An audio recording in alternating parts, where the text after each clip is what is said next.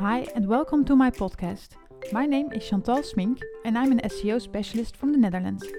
I'm working in SEO since 2010.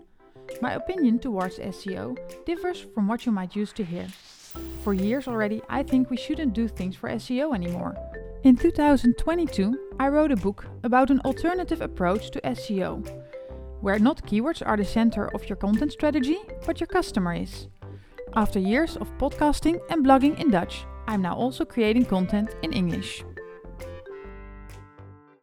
Hi there, and welcome to my podcast or video, depending on however you are listening or watching to this footage, about my session at Emerce Digital Marketing Live last Thursday in Amsterdam. I am going to talk about getting success in SEO without a focus on SEO or keywords. And I actually had a few different titles. So my first title was SEO without focus on keywords in SEO. But then a lot of things happened in the world of SEO. So I was thinking of rename it to SEO as a result of doing the right things. And my other idea and last idea was transforming from SEO to organic marketing because I think there is so much happening right now that a focus on SEO alone cannot be enough anymore to make a business case and to make sure you're uh, ranking high and achieve visibility. But I will take you through my session and let's start at the beginning. This is me. My name is Chantal Smink. I am an SEO expert for 13 years now, started in 2010. I am writing for Dutch websites, just like uh, Marketing Facts, the magazine Marketing Tribune, uh, and I've also written an article for Emerce. Last year, I published my first book about SEO and content strategies. I have a complete e learning training on my new approach to SEO, which is completely focused on people first, so human centric, or as I called it at that time horizontal SEO, where you can rank on as many search terms as you want. I have created two e magazines, one for jobs and one for e commerce. And I have a podcast at Spotify and I'm active on Instagram. So, a lot of places where you can find me. This is an article I published just one week before my session at Emerce. And it the title is Content Shouldn't Be the Responsibility of the SEO Department Anymore. I published it at Marketing Facts, which is a quite uh, large and well known marketing platform in the Netherlands. And I talked about why I think that creation of content shouldn't be the responsibility of the SEO department anymore. And it has to do with a lot of increasing demands from Google. Google wants more from us than the SEO department can deliver. And I think that we also need to find another motivation to create content. And I will talk about this during this session. But let's go back to where it all started because there are some problems we are facing within SEO. So here you see some snippets from various websites about what Google has been saying about SEO. And I think there are several uh, interesting remarks here. So it's, of course, the hidden gems, the EEAT, uh, that EAT applies to every single query. But I think these three are the most important things to have attention for. It's Google says ton of SEOs and websites produce terrible content not worth indexing, but also the site-wide ranking signal to target search engine first content, but also Google saying that writing content from keyword lists will result in mediocre content. And I think that everyone who has ever written content for SEO can agree on this part. When we're writing from a keyword list, we're also writing the obvious uh, things that we come up with ourselves. And most of the times, it matters more to us that the content is actually there. And it's not that important for us that the content is good enough. So the bar is set at can this rank in Google? And the bar is not set on is this good enough for our audience to read. But we have another problem, and that is the way we work in SEO. Here you see that we're doing keyword research and we found the word apple pie. So a lot of search volume on that keyword. And what's happening more or less all the time is that people say, okay, I am going to write a piece of content for this keyword, in this case, a recipe for an apple pie. I put it online, I publish it, and then we're going to sit and wait for SEO traffic. And what happens is that we have 400 million pages of apple pie in the index of Google. So I think 400 million is actually quite a lot. The first thing, because I'm coming back at this at a later point, but the first thing I want to say about this is with 400 million results, why do we even bother to actually create 400 million and one? I think that's a lot of yeah effort we have to put in for it and yeah what can we expect from this and it makes me think of SEO like this this is what we see in Asia where people are crowding into a train and this is what we do with SEO we all want to enter that one train that one keyword and rank for it and I think this could work would work and had been working years ago I have done it myself but SEO is so crowded at the moment. Everyone is optimizing for SEO. Everyone wants something out of SEO. So this cannot be the way we work anymore. So that's what I said. I think the road is ending. The way we are working in SEO is ending. With the three problems I just discussed, we cannot keep on doing what we always have been doing. And Google is also saying this in the helpful content guidelines. When you are creating content, you should ask yourself three questions Who created the content? How did you create the content? And why?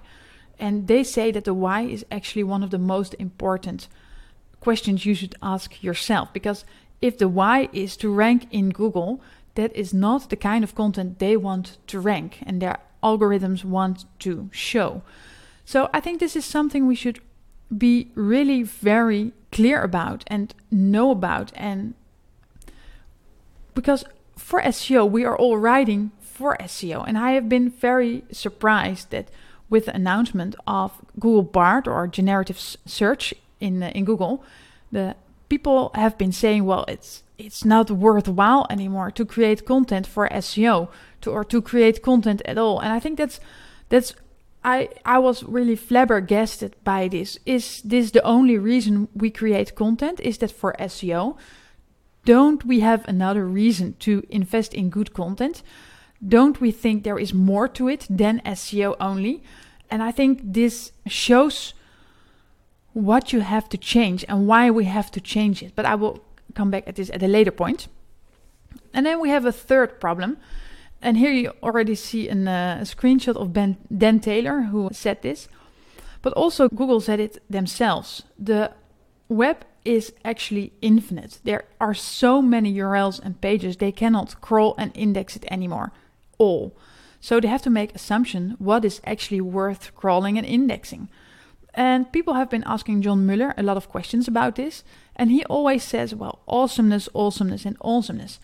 And I think this is actually very interesting and underrated. Not that much people are talking about this. And I think that's actually a shame because this is another reason why we need to stop creating content for SEO. And what I want to show you is, for example, with the 400 million pieces for apple pie recipes, it's actually very funny that Google is still indexing it because indexing is not free you need a data center, you need hardware, you need energy, you need water, you need software, electricity. So indexing is actually quite expensive or comes with a lot of costs. So why does Google still index 400 million pages for the subject apple pie? If I were Google, I would already have deleted I think like 90% of it 10 million pages about apple pie should also be sufficient, right?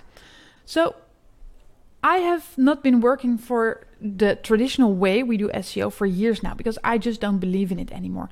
I don't believe that with finding a keyword, writing f- content for that specific keyword, we can rank high enough. Markets are crowded. In almost every market, there are like five big players, and they own pretty much the search results for the most important keywords. So I have found myself another way of working, and I'm going to explain it for this case. This case is from De Jong en Laan. It's an accountancy agency in the Netherlands, and they're one of the smaller one. They started from a local origin, and it was actually quite funny that when they came to me in uh, October last year, they had the question how can we create just good content that is good enough for SEO, but content that we can also reuse for other channels. And actually, quite funny that in February, one of the independent online marketing agencies noticed while doing research uh, for accountancy agencies that the Jong and Laan was actually quite performing very well. And I'm going to talk about this case, what I have done. What you can see here, and I translated some of the important things they're saying. They focused on companies outside the big four, so Deloitte, PricewaterhouseCoopers, Ernst Young, because those are very uh, big and depending on branded traffic. So they said we're going to focus on others outside these four, and then they have a list of five brands, agencies that are uh, doing quite good in SEO. And on number two, you see my client, De Jong and Laan. And what they also say is Alpha attract a lot of branded traffic, and the Jong and Laan increased by attracting non-branded traffic. So my other way of doing SEO can very well lead to great results, and I think this case already proves it. This is the moment where they came to me and we created a very nice content strategy. And you see what happened after that, that the line is increasing in traffic. But I have another client case, it's Andros, and they're focusing on prostate and everything that has to do with the prostate. They are actually already quite an authority. They are very much in front of the market, they are in front of the research, they uh, have other research methods than in hospitals. So they are not just the, the clinic just around the corner. And this is the moment when they came to me. And this is what happens with the visibility on keywords. What you see in traffic for Andros is that the traffic did not increase that much as you, we saw with De Jong and Laan. Because with Andros clinics, they have a lot of competition from the people also ask. So, how do I recognize prostate cancer? things around the PSA, which is a very important thing that matters when it comes to prostate, they're all answered by Google. So we are attracting more visibility, we are making ourselves more visi- visible, but we are not yet getting the traffic out of it. But we are also not declining. When you're looking in SEMrush, you see it happening. We are very stable and slightly growing. So I think for this market where we are under so much pressure of the people also ask, we are actually doing a good thing. And I think you want to know what the secret to my way of working is. And I'm going to disclose it in this session. This is what most people are focusing on. It's the data we see in keyword tools. You see the ice rock, which I created for my uh, book last year, which I published. It's on the cover of the book. And the things you see above the water is keyword tools. It's what everyone uses, but also answer the public that kind of tools, everything that's publicly available is these kind of tools. But I think there is more to understand when it comes to creating content, to when it comes to understanding your client or your visitor. And that's what happens below the sea level, what happens where we what we can't see. And this is where we need to get to know our customer. It's the information that is just not publicly available. Because the information that is publicly available, everyone uses it. For example, SEMrush or Ahrefs or other keyword tools. I think there are like five, six major tools.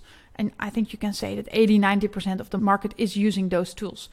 So if you want to be found in Google and you want to create other kind of content, you have to get to know your client. And this is the traditional way we do SEO. We start with keyword research, we find a keyword, we think of an angle, we start writing, optimizing, and then start tracking rankings. I think this way of working is outdated, especially when you're looking at the developments we see in Google. Google wanting more quality, Google saying that they cannot index it all anymore, the thing that we're all working the same way. And now they are discovering hidden gems. So we have to find another way of working. And I think this unpronounceable word is actually how we should work. So it stands for the questions, the problems, anxieties, fears, frustrations, concerns, goals, myths, myths, interests, and misunderstandings. Everything that matters to your client. What do they want to know? In what situation are they? What things matter to them when they are in this situation? What kind of questions do they have about the situation, about the use of your product? What kind of things did they hear but not understand well? What kind of myths are going around for your product or product group? I think that's all very interesting topics to cover with your content, but not that much people are focusing on this complete part when it comes to what your client wants to know. And here you see a kind of a model I created myself. I call it the content onion. And in the core of the content, you can find the information from keyword tools. So you will see a content onion I created for my jobs magazines, uh, vacancies. And in the core, you find information from keyword tools. So that means part time job in Amsterdam, full time job in Amsterdam, maybe uh, like call center employee job Amsterdam. Those that kind of information that's obviously coming from keyword tools. But people want to know more when it comes to vacancies. People also want to know what is the job about? What is related to what I want to know? What how does my day look? What am I doing all day? What are other people doing all day? But it's also around the profession. How do I get there? What kind of education do I need? What kind of experience do I need to become this kind of and then the job? But a lot of people maybe also are thinking about how can I develop myself? How can I make a next step in my career? Or maybe they're thinking about, and that's already the one, two, three, four, fifth layer. Do I need to start a completely new education or study something really different and re educate myself to something different because I don't want to do that job anymore? And then we have some people dreaming about their future to become maybe independent or start their own company in the future or start their own beauty practice in the future.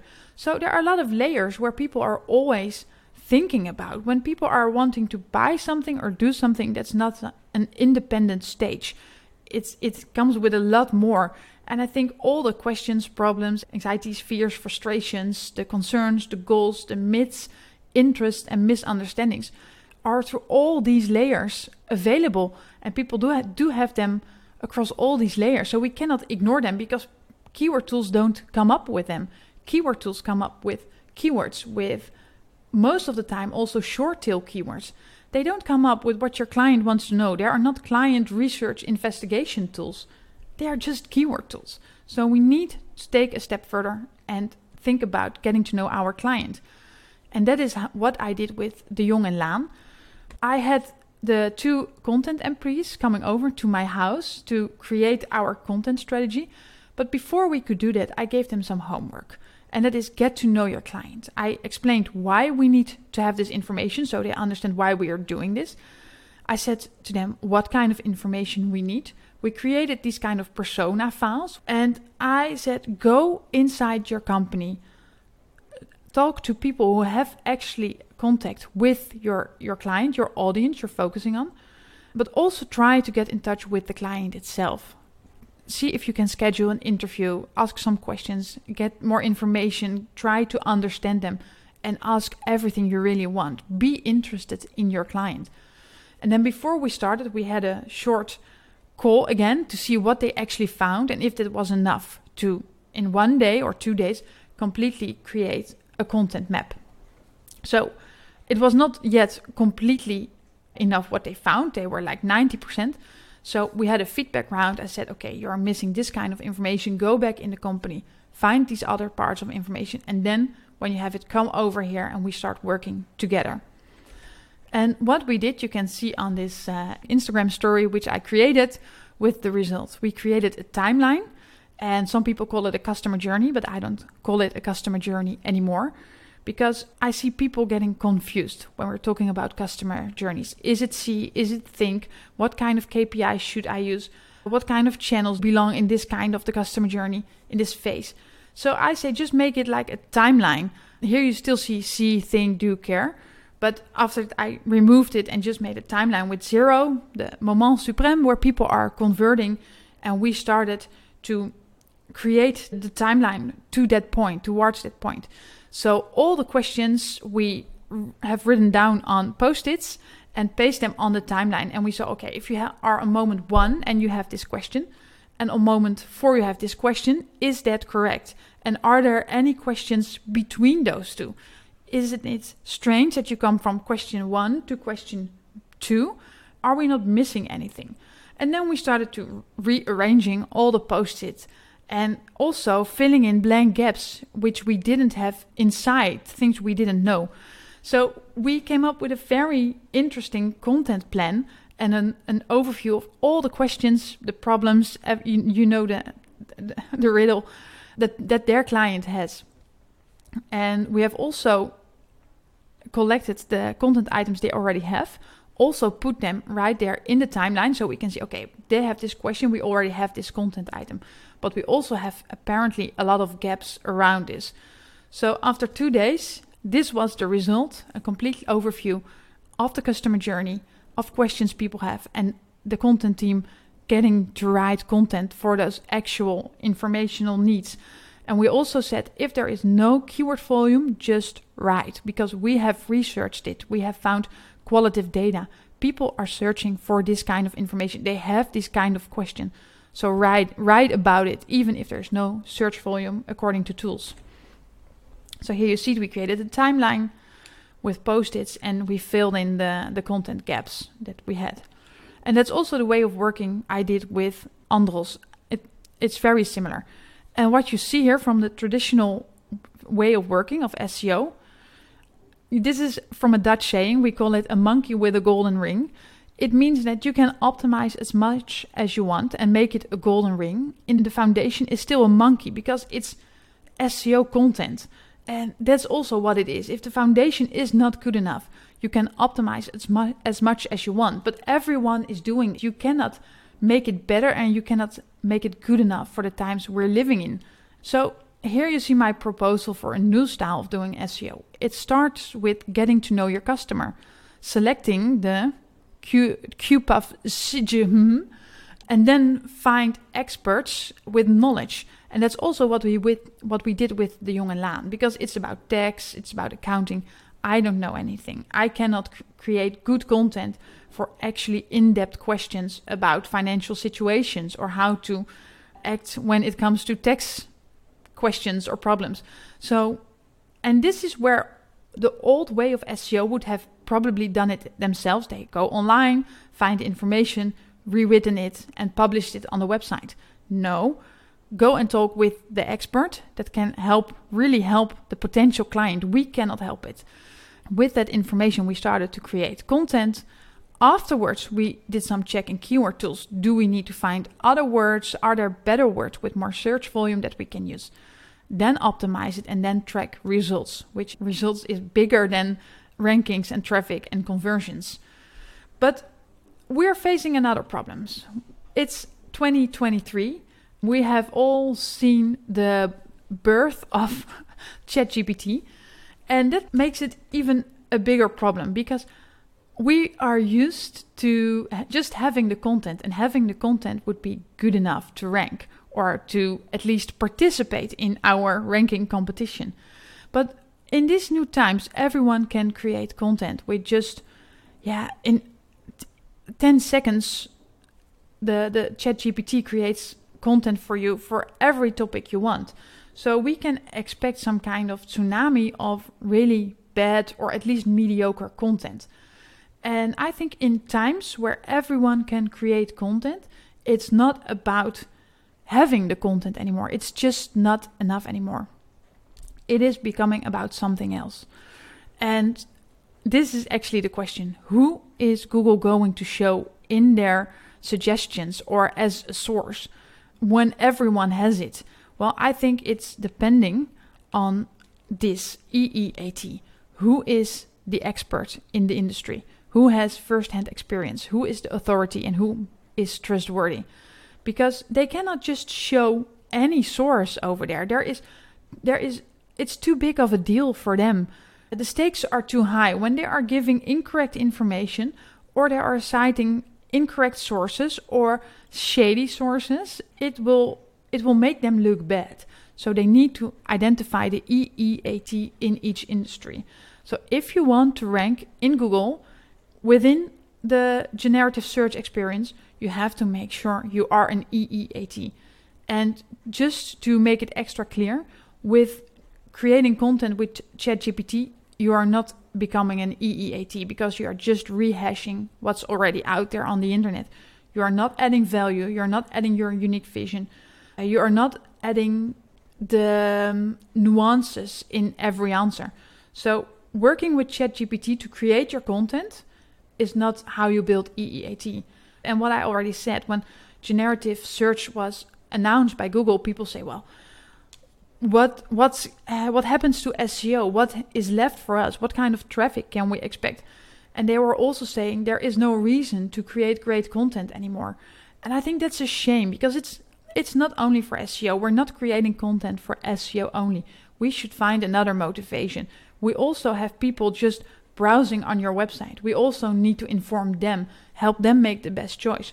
But we also need to go out there, proactively find our client. What I'm doing right now is also creating content. I'm not doing this for SEO. I am doing this to proactively get in touch with people out there that are interested in my story. I am turning this into a video. I'm turning this into a podcast. I'm making posts out of it for LinkedIn. And that's also a reason we need the content. And once we have that content, we can reuse it on our website and optimize it for SEO. But then your website becomes some kind of a digital archive where people can find it if they're searching for you.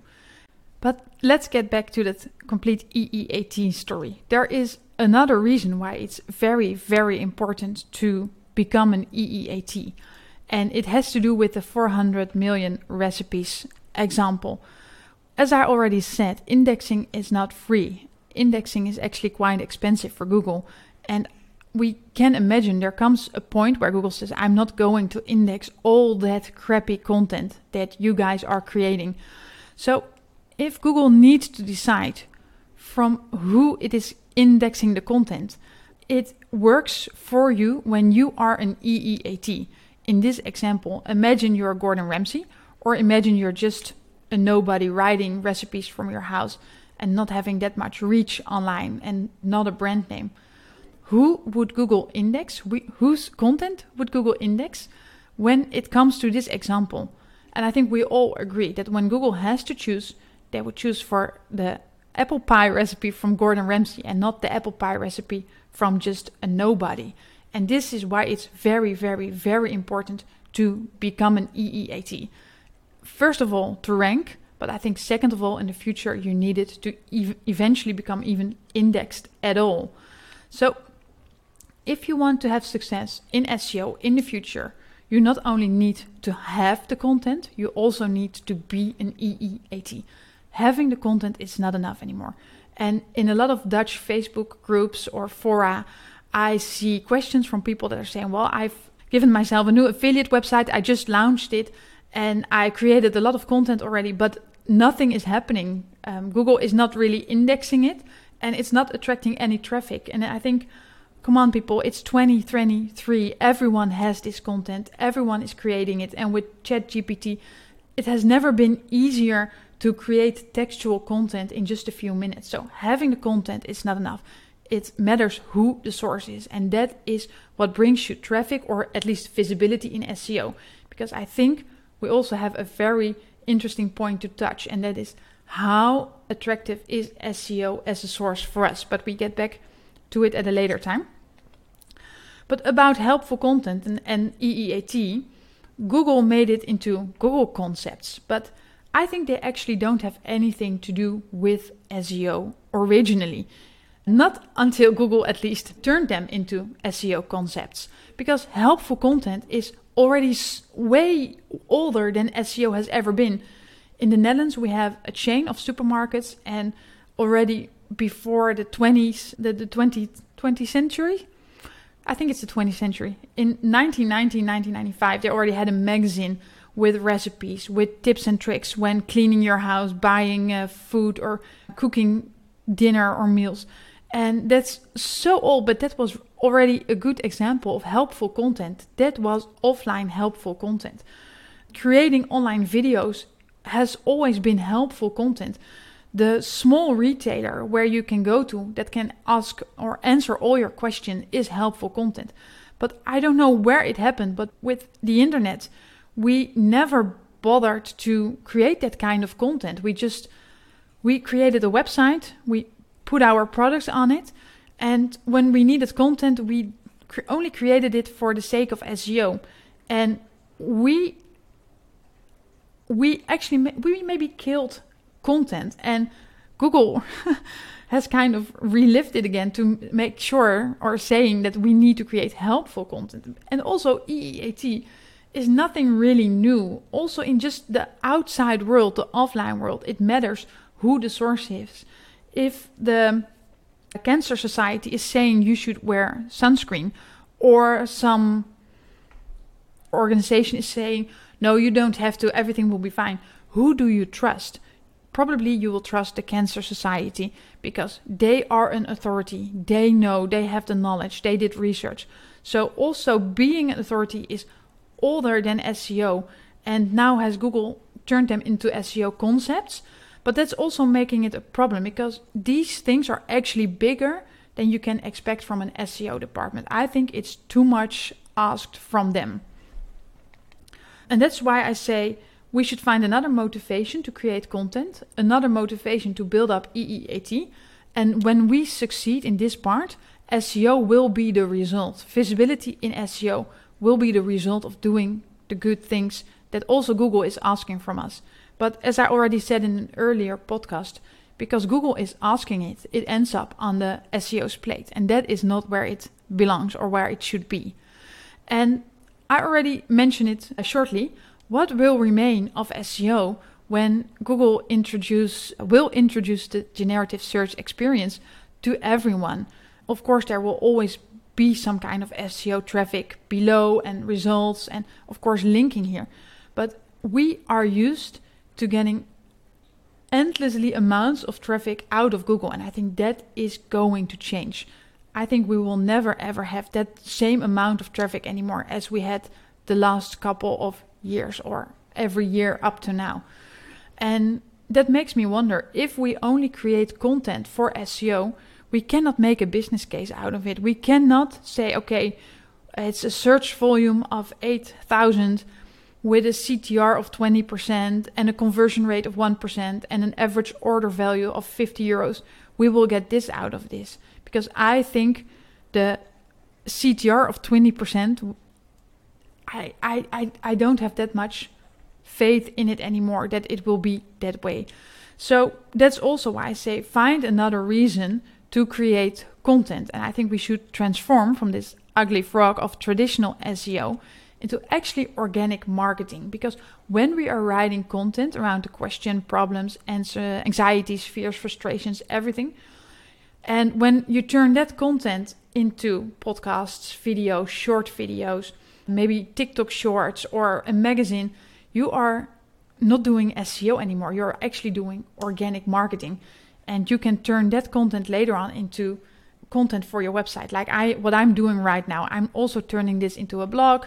I'm adding the transcript. I'm asking I will ask ChatGPT to create a blog article out of my transcript, not out of nothing with its own knowledge, but with based on my knowledge and my input and then it can help me and then you're using ChatGPT a whole other way to create great content with still a unique vision and once we are working according this way we are not creating content for SEO we are creating content to get reach to build up an audience online and when we are turning it into website content we can do again the keyword tools we can check find the best keywords optimize it and track the results and these results are way bigger than only rankings and traffic and conversions because we also need to look at reach. How many people have listened my podcast, have seen my videos? Do people know my name? Is my brand name search in Google Trends going up? Do I get more branded traffic to my website? I think that's a very, very underrated KPI because we have always been fixating on uh, non-branded search traffic, which is of course important. It's new traffic. It's people that don't know you, but it's also like accidentally traffic, people that accidentally found your website. And with organic marketing, you can make sure that people intentionally find your website, find your company.